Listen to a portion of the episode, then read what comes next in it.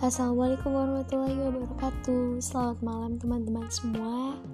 Selamat malam penduduk seluruh warga negara Indonesia. Selamat malam seluruh perempuan-perempuan hebat Di seluruh pojok-pojok Nusantara. Selamat malam juga kepada semua laki-laki hebat Pemimpin-pemimpin bangsa nantinya Malam ini saya ingin sedikit sharing kepada teman-teman semua. Udah lama banget karena kesibukan saya yang benar-benar rutinitas saya yang sangat padat. Sehingga waktu luang saya untuk sharing segala sesuatunya itu sangat berkurang teman-teman. Dan hari ini saya ingin sedikit menceritakan apa yang saya alami pada minggu-minggu ini. Jadi, kita mulai dari mana ya? saya juga jadi bingung mulai dari mana.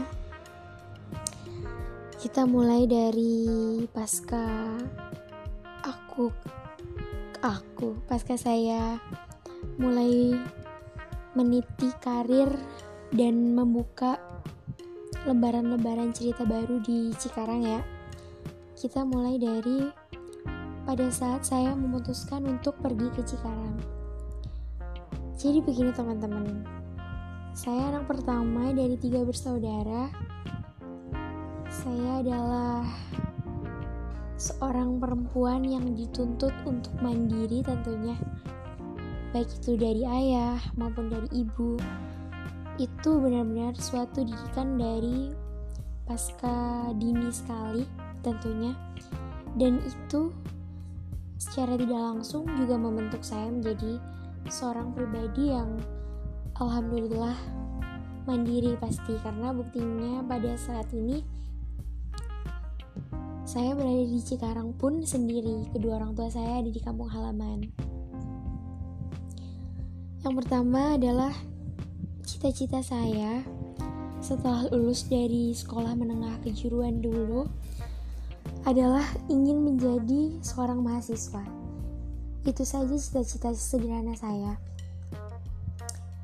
Ekspektasi saya banyak sekali dan setiap jenjang pendidikan itu saya seperti menemukan jati diri saya gitu di setiap perjalanannya. Pada waktu saya TK belum ada tergambar maupun tervisualisasikan apa cita-cita saya. Kelak nantinya saya jadi apa? Karena memang pola pikirnya belum terbentuk kan karena masih sangat dini gitu.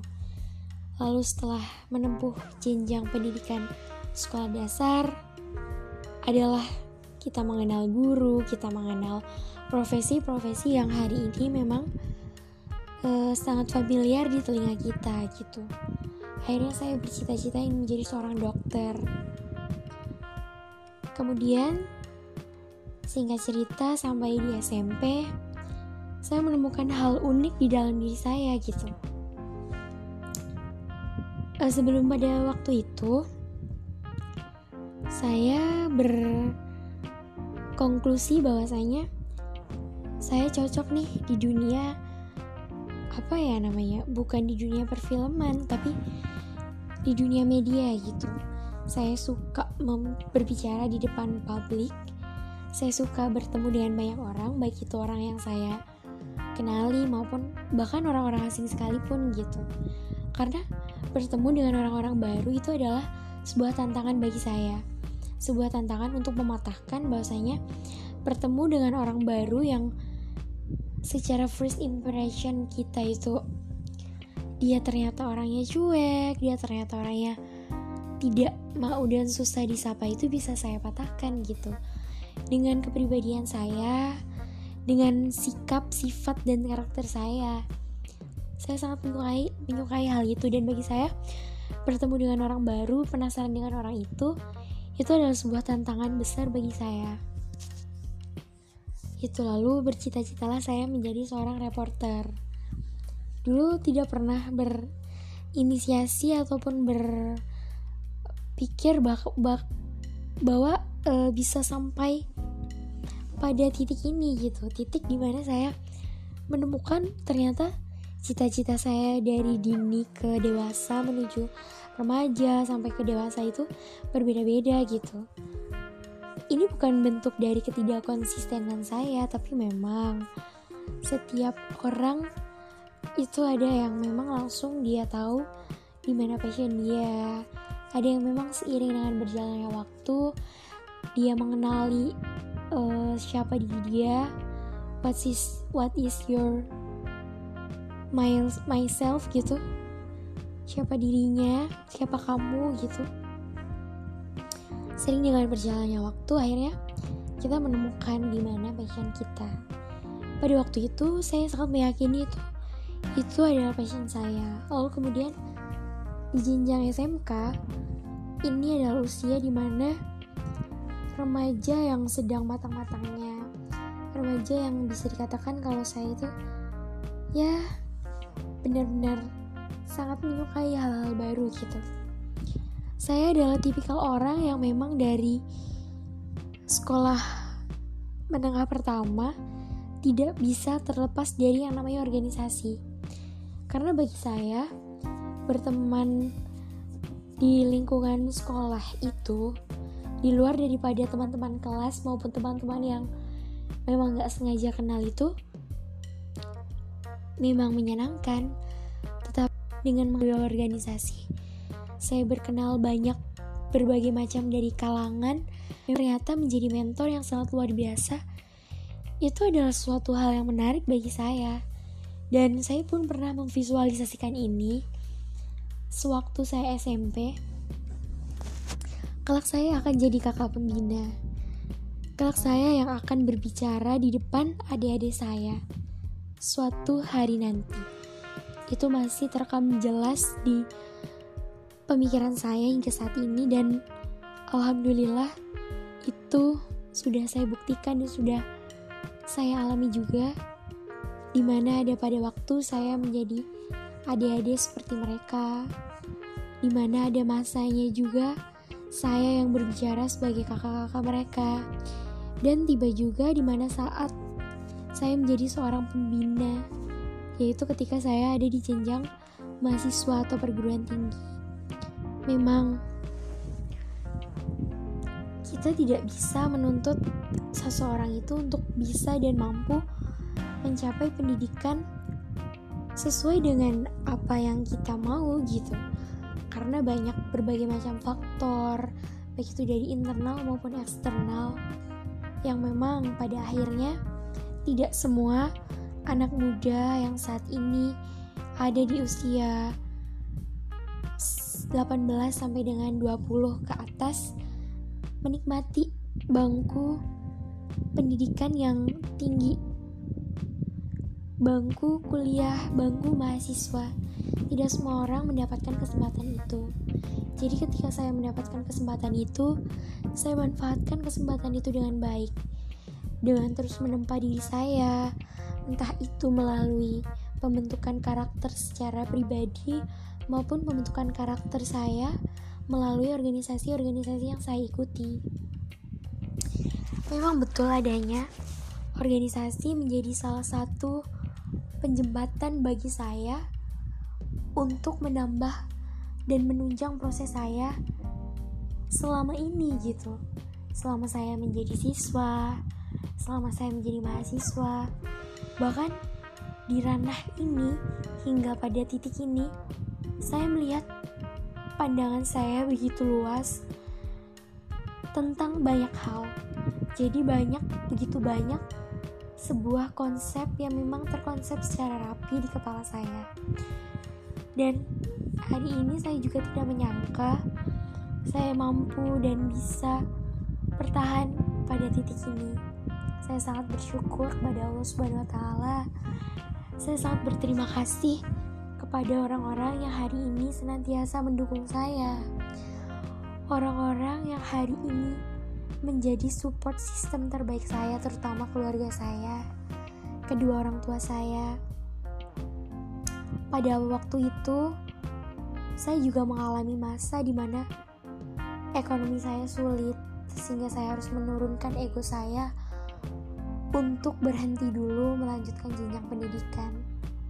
Alhasil saya mengalah, saya bekerja, saya berjuang untuk bagaimana caranya saya bisa menjadi mahasiswa. Saya berjuang untuk bagaimana caranya saya bisa menjadi seorang uh, dewasa yang mampu menjadi penyambung lidah penyambung lidah bagi masyarakat begitu. Dan itu itu semua saya dapatkan saat ini. Walaupun belum semua yang saya inginkan itu saya dapatkan. Memang sebuah keinginan ketika kita sudah mendapatkan satu pasti ada akan terus muncul sebuah keinginan-keinginan yang lain. Itu adalah sifat manusiawi teman-teman. Dari situ saya belajar kehidupan mahasiswa benar-benar berbeda jauh dari kehidupan siswa. Kita benar-benar dituntut melek bukan hanya isu-isu teman-teman kita saja melainkan isu-isu terkait pendidikan di Indonesia pendidikan di dunia saat ini politik, sosial, budaya, ekonomi bahkan isu-isu terhangat Indonesia. Kita sebagai mahasiswa sebagai rakyat Indonesia juga harus melek akan hal itu. Akan perkembangan zaman saat ini yang semakin majukah atau semakin mengalami kemunduran kah? Begitu.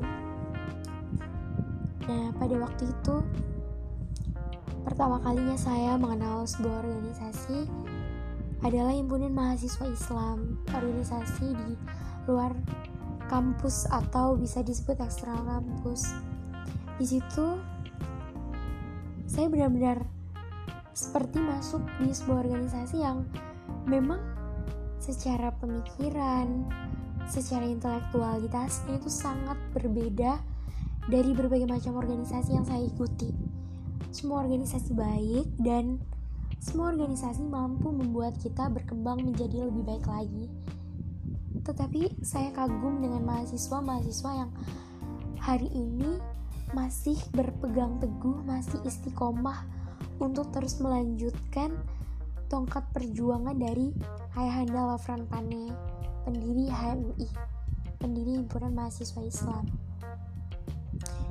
Di HMI lah, saya dituntut untuk benar-benar melek, melek akan permasalahan bukan hanya di diri sendiri, tapi juga di sekitar kita, masyarakat yang terdekat dengan kita bahkan cakupannya lebih luas lagi lebih kerana yang jauh lagi. Saya bersyukur sekali telah diperkenalkan dengan organisasi ini organisasi yang mampu membawa dan mampu menggodok kedewasaan saya dalam berpikir, dalam bersikap maupun bertindak. Walaupun belum semuanya memang belum semuanya saya dapatkan. Singkat cerita, pada akhirnya saya mencalonkan diri menjadi presiden mahasiswa, calon presiden mahasiswa di semester 4, semester yang menurut saya masih perlu banyak sekali belajar, masih perlu, perlu banyak sekali arahan dari mentoring-mentoring dari aktor-aktor intelektual tentunya yang akan senantiasa membantu kita. Tetapi saya bersyukur karena saya rasa ini semua itu bukan sebuah kebetulan. Ini semua bukan tiba-tiba terjadi. Ini semua sudah rencana Allah. Walaupun apa yang saya ceritakan hari ini mungkin saja tidak ada di dalam list daftar dream saya list daftar goal saya ke depan. Mungkin tidak pernah ada tidak pernah saya bermimpi tidak pernah saya menuliskan itu. Tetapi Allah memberikan kesempatan ini kepada saya karena saya juga yakin Allah tidak secara kebetulan memberikan kesempatan ini kepada saya pasti karena saya mampu maka dari itu Allah memberikan tugas amanah serta tanggung jawab ini kepada saya tentunya. Alhamdulillah sekali saya selalu dipertemukan dengan orang-orang yang luar biasa baik. Baik itu di tempat pekerjaan baik itu di kampus maupun di teman-teman organisasi saya. Betul apa kata saya pernah membaca sebuah kutipan atau sebuah kalimat gitu. Saya kurang tahu lupa. Ketika kamu menjadi orang yang baik maka di tempat mana pun kapan pun dan di sudut mana pun kamu akan selalu dipertemukan dengan orang-orang yang baik. Tetapi sebaliknya jika sifat dan karakter kepribadian kamu buruk maka kamu mau mencari orang sebaik apa pun kamu pasti selalu diberikan ujian dan tantangan berupa orang-orang yang buruk juga di sekitar kamu. Ini bukan sedang mendoakan teman-teman ya tetapi memang begitu betul adanya. Ketika kita baik baik itu kepada orang yang kita kenal maupun kepada orang yang gak kita kenal sekalipun Allah tahu. Allah pun akan memberikan feedback kepada kita kita pun akan dipertemukan dengan orang-orang yang baik pada kesempatan yang baik pada momentum yang baik. Saya yakin sekali itu. Memang kita semua mempunyai 24 jam waktu yang sama. Kita semua sama-sama makan nasi kita semua sama-sama melakukan uh, menghabiskan waktu itu ya 24 jam dalam sehari. Tidak ada yang menghabiskan waktu dalam sehari itu 35 jam itu dari pagi sampai malam. Itu tidak ada. Yang ada ya dari pagi malam malam lagi pagi lagi. Dua malam. Tidak dengan satu malam atau tidak dengan satu hari. Jadi saya rasa teman-teman yang hari ini diberikan kesempatan yang begitu luar biasa oleh Allah kesempatan yang hari ini teman-teman gak boleh sia-siakan. Teman-teman yang sudah mengambil um, satu bagian mengambil satu keputusan teman-teman harus mampu menyelesaikannya sampai pada akhir nanti tiba. Memang kalau dibilang kalau kita mau mementingkan egosentris kita kita tetap apa namanya ya berkeinginan wah besok aku harus libur pokoknya aku harus libur aku nggak boleh ke mana-mana. Karena orang yang sudah memilih untuk berorganisasi dia pasti akan merasa aneh ketika dia tidak melakukan sesuatu hal yang produktif satu hari saja. Gitu. Jadi tak heran mengapa saya juga merasa aneh ketika saya dalam satu minggu ya satu minggu aja kayak nggak ada kegiatan yang berkaitan tentang organis keorganisasian yang gak ada kegiatan untuk upaya mentransfer keilmuan yang gak ada kegiatan baca buku diskusi. Memang waktu saya agak sedikit terbagi ketika saya juga harus membaginya dengan bekerja ketika kita sudah lelah dalam bekerja juga tak menutup ke kemungkinan kita juga pada akhirnya akan beristirahat juga. Sehingga waktu-waktu yang tadi sudah dipersiapkan dengan baik kita juga perlu me merombak ulang gitu. Perlu perlu membangun ulang waktu-waktu yang tadi telah kita persiapkan dan ternyata itu terpakai untuk waktu yang lain waktu istirahat waktu bekerja begitu. Sebenarnya ketika kita mau berinovasi setiap harinya tidak mungkin akan ada miskomunikasi dan tidak mungkin adanya kesalahpahaman satu sama lain. Betul apa kata teman-teman yang sering menggaungkan diskusi bersama itu ketika kita fokus kepada suatu kendala ya kita akan stagnan di situ saja. Kita tidak bisa berkembang dan kita tidak mampu menyelesaikan masalah yang harus ini hari ini tuh diselesaikan. Jangan sampai permasalahan kita itu mangkrak seperti produk-produk yang harusnya diselesaikan tapi dibiarin gitu aja. Lalu lalu kita udah bikin proyek yang baru. Lalu yang proyek yang sebelumnya tidak pernah terrealisasikan. Jangan sampai seperti itu. Begitu teman-teman. Jadi pengalaman yang sangat luar biasa. Mungkin saya yang bisa menceritakan dan orang lain pun ya mendengarkan apa yang saya ceritakan hari ini. Saya juga ingin sekali menuliskannya pada sebuah buku yang nanti di mana buku itu mampu menjadi apa ya sebuah pembelajaran yang sangat luar biasa. Karena ketika kita meninggalkan karya kita kita akan selalu merasa hidup sekalipun kita sudah tidak ada di masa ini tidak ada di hari ini tidak ada di tempat ini. Itu semua pasti terjadi seiring dengan berjalannya waktu. Kita semua nanti pada akhirnya betul akan mempunyai prioritasnya masing-masing. Dan tidak selalu kita juga bisa datang ke tempat yang sama untuk mengumpulkan berbagai macam kepala dan untuk menyatukan suatu perspektif yang sama untuk dijadikan the power of uh, fighting nantinya pastinya. Teman-teman yang berbahagia malam ini syahdu sekali saya ditemani dengan deru kipas angin yang memang saya tidak bisa hidup tanpa dia. Terima kasih selalu ada hari ini saya sedikit men-sharingkan itu terkait sharing berikutnya. Insya Allah akan saya sambung terkait tentang seorang akademisi, pekerja, dan juga organisatoris. Melalui podcast agar teman-teman semua juga memahami nih materi yang telah saya review itu seperti apa sih. Nanti teman-teman bisa langsung dengerin Spotify-nya ya di Ratih Tenggo level get up. Terima kasih atas segala bentuk perhatian pendengar-pendengar setia podcast Ratih.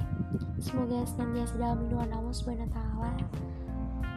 Saya berharap karya-karya saya baik itu berupa audio, video, atau secara tertulis yang selalu dikenang bersama teman-teman semua.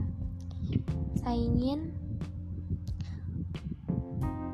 ketika nanti memang sudah tiba masanya, sudah tidak di sini lagi, saya berharap sekali bahwa teman-teman semua masih menemani proses saya dengan baik walaupun memantau dari jauh. Terima kasih semuanya. Selamat istirahat. Selamat malam. Kita sambung the next episode.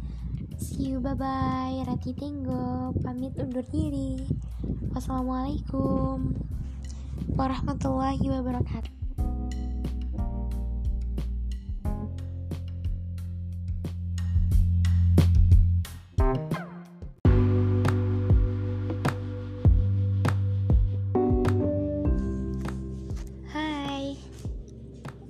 banget ya kita nggak dengerin podcast terbaru aku.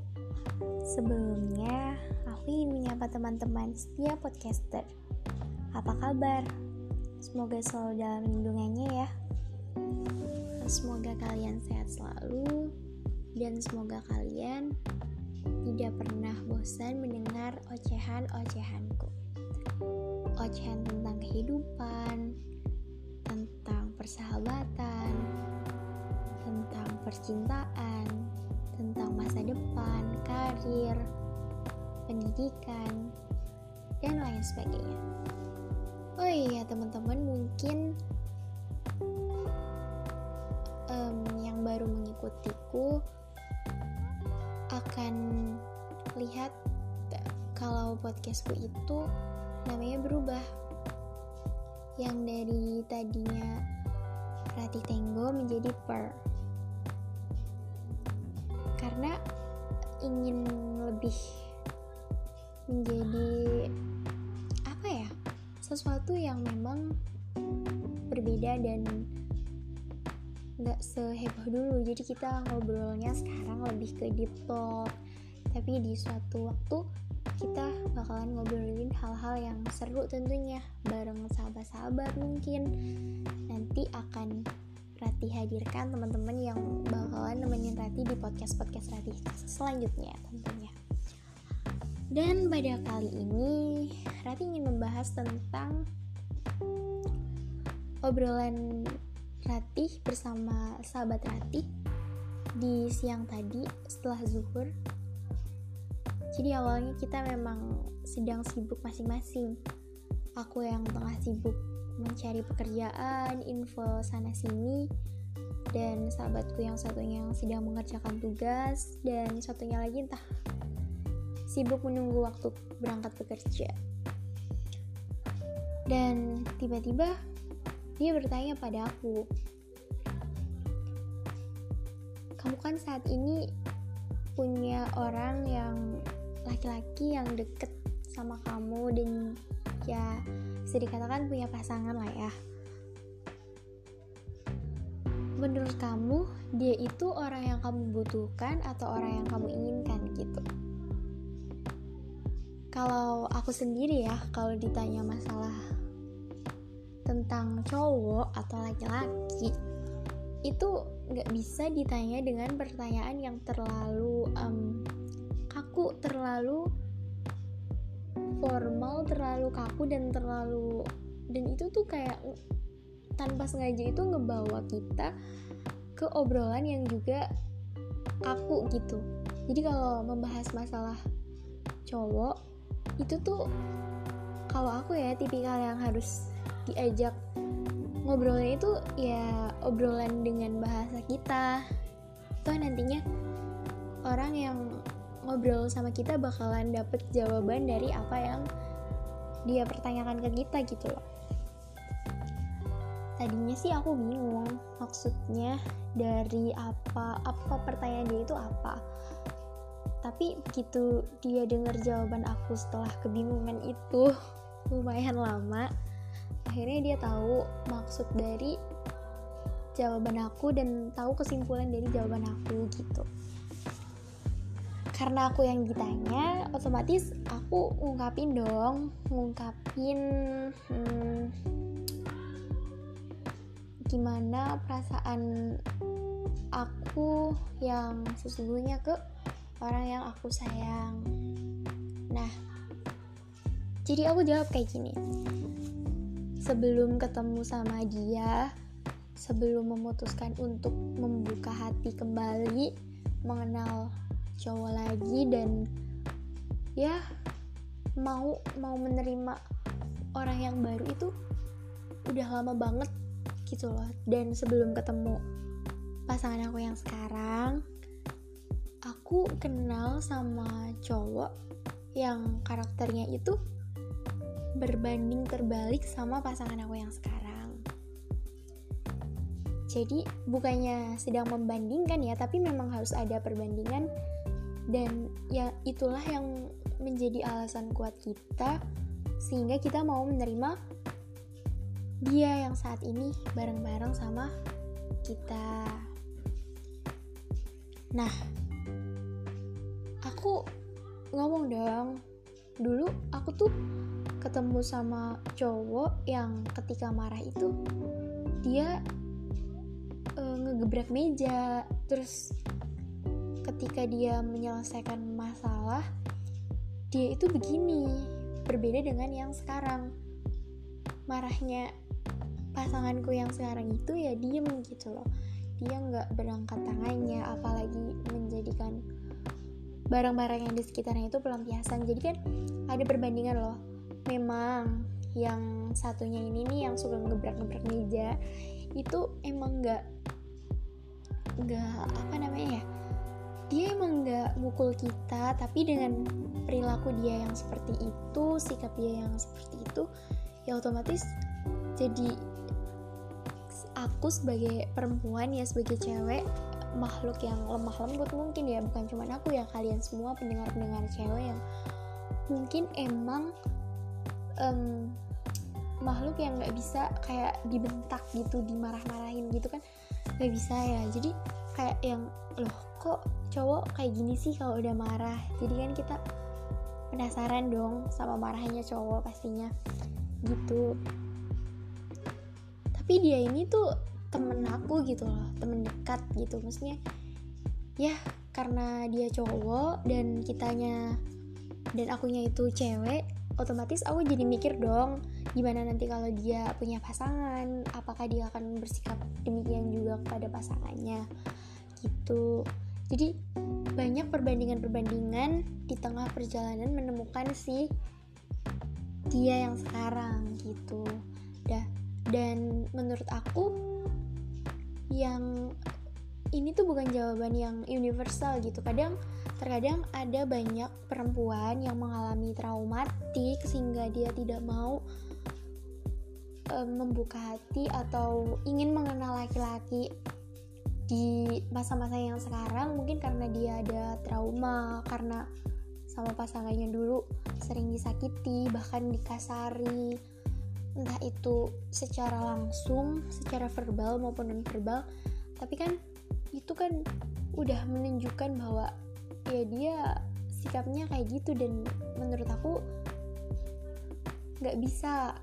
Kalau aku sendiri ya aku nggak bisa hidup dan menjalani banyak aktivitas sama-sama bareng orang yang kayak gitu. Jadi kesimpulannya pertanyaan tadi pasangan kamu yang sekarang itu sebenarnya laki-laki yang kamu inginkan atau yang kamu butuhkan? Jawabannya ya yang aku inginkan. Karena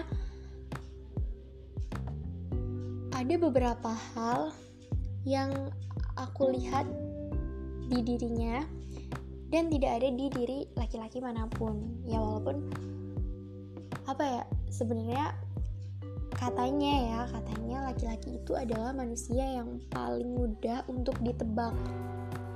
Dan nyatanya kan ada orang ada kalian pernah gak sih kenal sama orang bertahun-tahun lamanya dan kalian kalian tuh nggak pernah bener-bener mengenal dia gitu loh entah karena dianya yang tidak mau mengenalkan diri kepada kita atau memang kitanya yang sulit untuk mengenali dia atau karena obrolan kita yang emang nggak pernah nyambung satu sama lain bukan nggak pernah nyambung kayak kan ada ya orang yang ngobrol dua orang nih laki-laki sama perempuan ngobrol tapi obrolan kita itu tuh ya yang ngobrol tapi kayak yang satunya itu nggak dapet feedback dari yang ngobrol gitu. Misalnya yang ceweknya duluan nih yang mulai obrolan. Nah cowoknya cuma nanggepin nanggepin.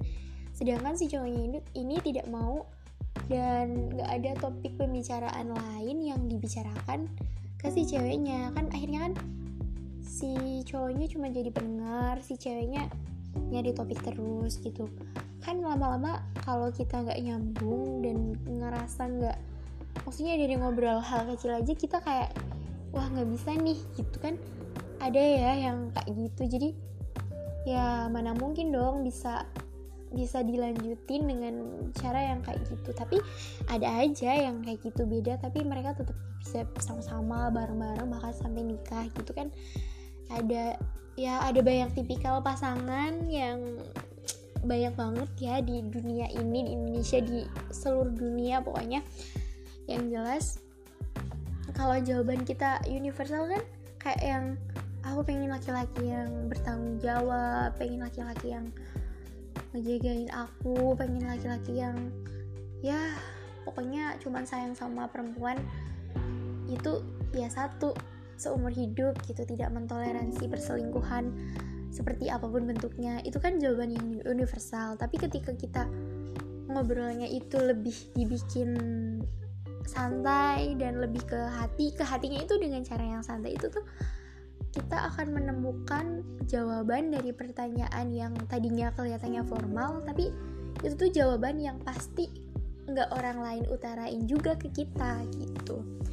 Terus dia pun ngutarain juga tentang dia yang suka sama orang yang sekarang uh, lagi deket sama dia tapi dia paling gak tahu dan suka bertanya pada dirinya sendiri aku sayang nih sama nih orang tapi ini orang sayang gak ya sama aku? Gitu. Terus jangan-jangan aku nih yang sayang sendirian sama dia itu gimana nanti? Gitu. Jadi dia tuh tuh unik gitu loh. Punya love language yang berbeda dan mereka berdua tuh kayak sama-sama apa ya cara ng ngungkapin sayangnya itu beda. Dan sama-sama mungkin sama-sama sayang mungkin sama-sama punya rasa tapi si temen aku tuh maunya yang kayak gini si cowoknya tuh maunya yang kayak gini gitu loh.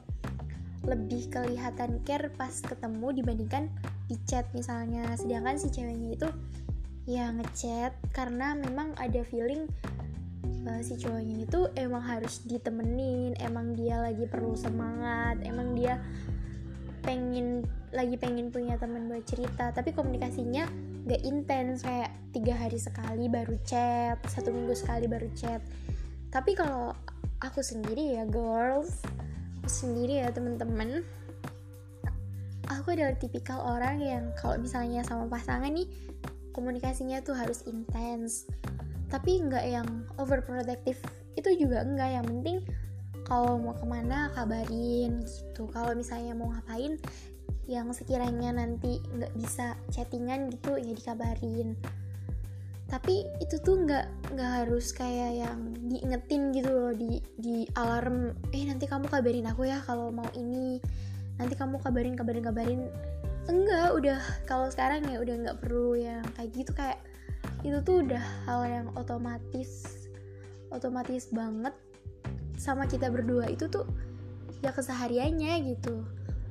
Kita nggak perlu sama-sama saling ngingetin buat ngabarin karena kita pasti ngabarin satu sama lain gitu.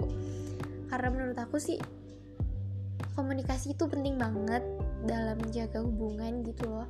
Karena kalau kita nggak komunikasi ya dari mana kita tahu kabar dia dari mana kita tahu aktivitas dia gitu loh ya kan emang nggak kita nggak menuntut 24 jam untuk chattingan gitu karena nggak mungkin ya teman-teman. Kerjaan kita cuma chattingan. Percayalah kalau pasangan kita bisa chat 24 jam itu berarti dia ya nggak ada kerjaan lain selain ngechat kita gitu kan. Nggak mungkin dong kita udah sama-sama dewasa udah sama-sama ngerti udah sama-sama punya kesibukan. Kita juga ada beberapa waktu untuk diri kita sendiri, ada beberapa waktu untuk kita sama teman-teman kita dan juga ada beberapa waktu kita sama dia atau baru-baru sama pasangan gitu. Yang jelas kabar itu menurut aku penting sih dan komunikasi itu penting sih. Ya bukan cuma sama pasangan sih, sama siapa pun, sama orang tua, sama temen, sahabat, walaupun ya kita nggak nggak setiap hari juga chat sahabat nggak setiap hari juga chat bestie nggak setiap hari juga chat sama hmm, ya sama teman-teman kita lah gitu. Lagian kan kita harusnya ngerti kita loh harus uh, sebagai makhluk sosial kan nggak memungkiri kita membutuhkan satu sama lain ya. Jadi kita ya nggak datang bukan maksudnya kita datang pas butuhnya aja tuh enggak gitu loh. Tapi ya sewaktu-waktu kan menanyakan kabar kan itu ya perlu lah maksudnya gak 24 jam gitu. Toh kan setiap orang punya kesibukan masing-masing. Yang jelas kalau misalnya emang kitanya nggak mau diganggu ya berkabar aja gitu sih. Itu sesimpel itu loh. Kan beda ya setiap orang ada yang emang nggak suka pegang HP ada yang emang nyaman langsung ketemu ada yang emang harus iya nggak nggak di online nggak di offline itu ya. Memang ya sama-sama sama-sama merasa membutuhkan sama-sama merasa memiliki dan sama-sama tidak ingin saling meninggalkan. Itu aja sih. Dan intinya um, obrolan tadi tuh kayak kayak yang ngebuka semua uh, cara pandang kita sebagai perempuan dan cara kita memandang bagaimana cowok-cowok yang baik dan enggak buat kita gitu loh dan lagi asik-asiknya ngobrol tiba-tiba waktu sudah menunjukkan pukul 14.30 tadi siang dan itu harus terhenti karena teman aku harus kerja. Dan ya akhirnya aku sharing deh buat kalian semua yang ada di sini. Mungkin besok hmm, akan ada tema yang lebih seru. Teman-teman bisa request via Instagram aku via DM di @ratih. Eh bukan ratih ding @sernena nanti aku akan baca dan aku akan coba angkat podcastnya di situ. Sekian dulu teman-teman. Selamat malam selamat beristirahat dan selamat berakhir pekan. See you bye bye